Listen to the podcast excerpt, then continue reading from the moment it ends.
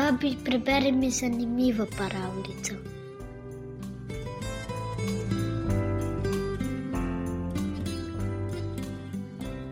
Srebrni šiling, Andersenova pravljica.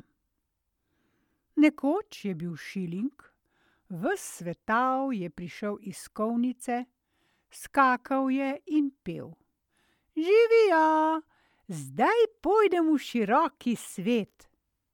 Seveda je prišel v široki svet. Otrok ga je držal v topli roki, skopuh ga je tiščal v mrzli, krčeviti roki. Odrasli ljudje so ga obračali in obračali, mladina ga je pa brž zapravila. Šiling je bil srebrn in ni skoraj nič potemnel, čeprav je bil že leto dni v širokem svetu, to se pravi v deželi, kjer so ga skovali. Nekega dne pa je šel na potovanje v tujino. Bil je zadnji deželni novec v denarnici, ki jo je imel njegov potujoči lastnik. Lastnik sam ni vedel, da je imel še en šiling, dokler mu ni prišel pod prste. saj tule imam še en šiling iz domovine," je dejal. "No, pa naj potuje z menoj." Šiling je od veselja zazvenel in poskočil, ko ga je lastnik vtaknil spet v mošnjiček. Tako je ležal zdaj med tujimi tovariši, ki so prihajali in odhajali, drug drugemu so delali prostor, šiling iz domovine pa je zmerom ostal v mošnjičku. To je bilo odlikovanje. Poteklo je že več dni in šiling je prišel daleč v svet, ne da bi prav vedel, kje je. Od drugih novcev pa je izvedel samo to, da so francoski in italijanski. Eden njih je dejal, da so v tem mestu, drugi, da so zdaj v onem mestu, toda šiling si o vsem tem ni mogel ustvariti nikake prave podobe. Človek ne vidi nič sveta, če čepi zmerom v svojem kotu. To pa je bilo šilingu usojeno. Vendar nekega dne, ko je takole tičal v svojem kotu, je opazil, da denarnica ni zaprta, in tako se je splazil do odprtine, da bi malo pogledal ven. Bilo bi pa seveda bolje, da tega ne bi bil storil, toda bil je preveč radoveden, to pa se maščuje.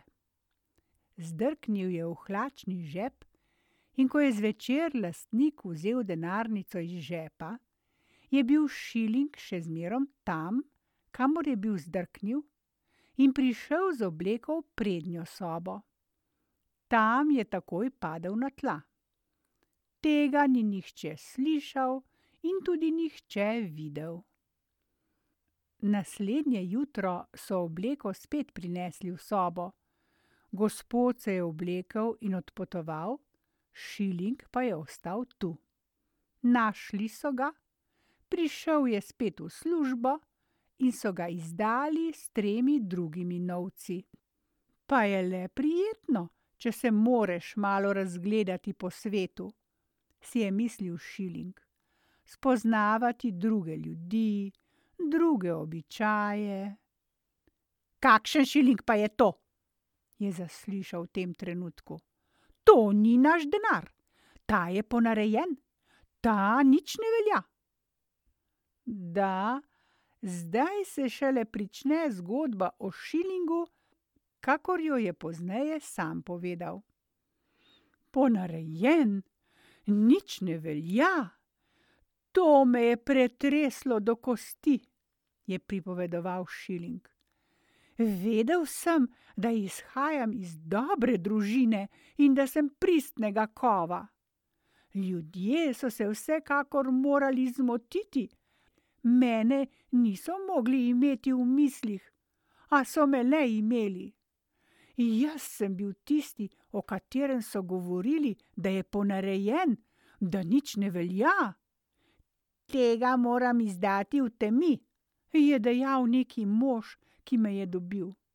In izdal me je v temi, podnevi so me pa spet zmerjali. Ponarejen, nič ne velja, glejmo, da se ga brž znebimo.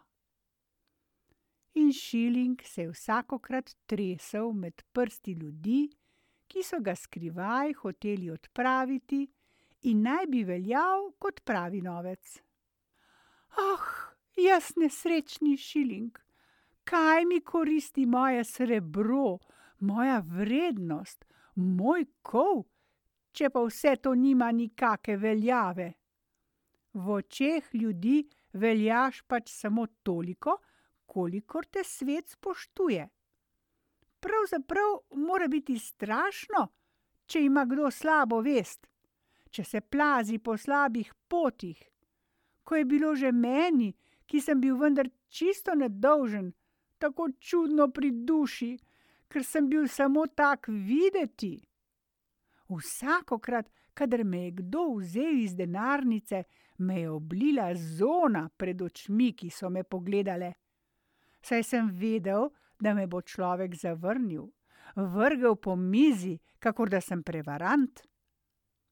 Nekoč sem prišel k neki stari, siromašni ženi.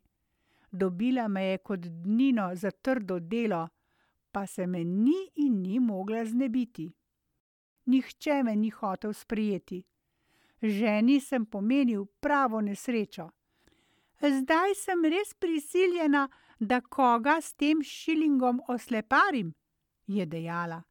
Pri najboljši volji ne morem in ne morem spraviti ponarejenega šilinga. Naj ga ima bogati pek, on ga bo najlaže utrpel, prav pa le ni, kar bom storila. Še tega mi je treba, da bom obremenil vest te žene, je vzdihnil šiling. Ali sem se na starost res tako spremenil?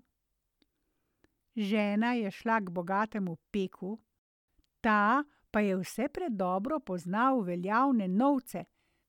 Vrgel me je ženi naravnost v obraz. Kruha z menoj ni mogla kupiti.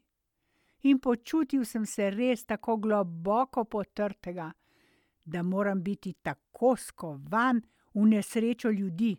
Jaz, ki sem se v svojih mladih letih veselo in z gotovostjo zavedal svoje vrednosti in pristnega kova. Bil sem res tako hudo žalosten, kakor more biti le obok šiling, ki ga nihče ne mara.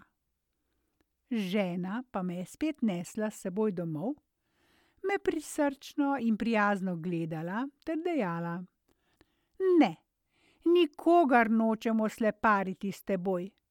Preluknjala te bom in tako bo lahko vsak spoznal, da si napak. A vendar, oh, tega sem se šele zdaj domislila, morda pa si celo tak šiling, ki prinaša srečo. Tako samo od sebe mi prihaja na um, da moram v to verjeti. Preluknjala bom šiling, in potegnila vrvico skozi njega, da ga sosedovemu dečku obesim okoli vratu kot srečonosca. Na to me je preluknjala. Prijetno seveda ni, če te takole prebodajo, vendar, če se kaj takega zgodi z dobrim namenom, veliko preneseš. Tudi vrvico je potegnila skozi mene, postal sem nekakšen medaljon. Obesili so me okoli otročičkovega vratu in otročiček se mi je nasmehnil, me poljubil in vso noč sem počival na toplih, nedolžnih otrokovih prsih.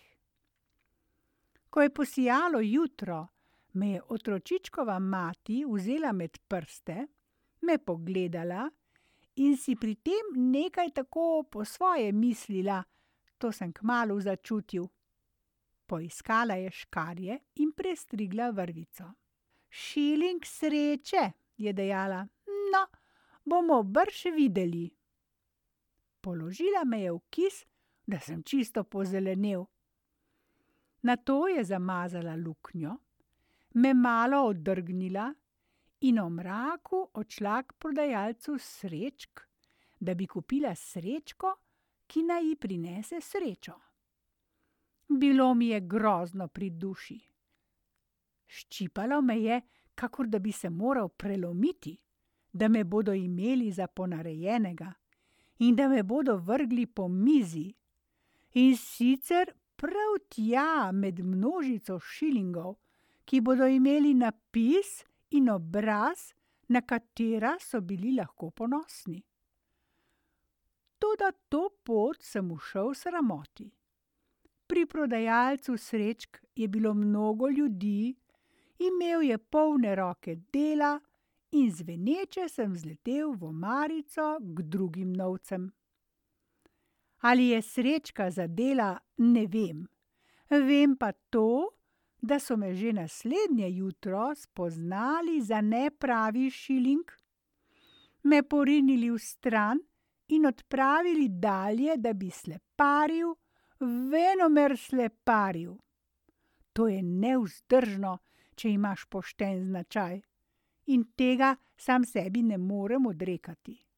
Vse leto sem hodil tako iz roke v roko, iz hiše v hišo, zmerom in povsod zmerjan, zmerom nepoklican gost.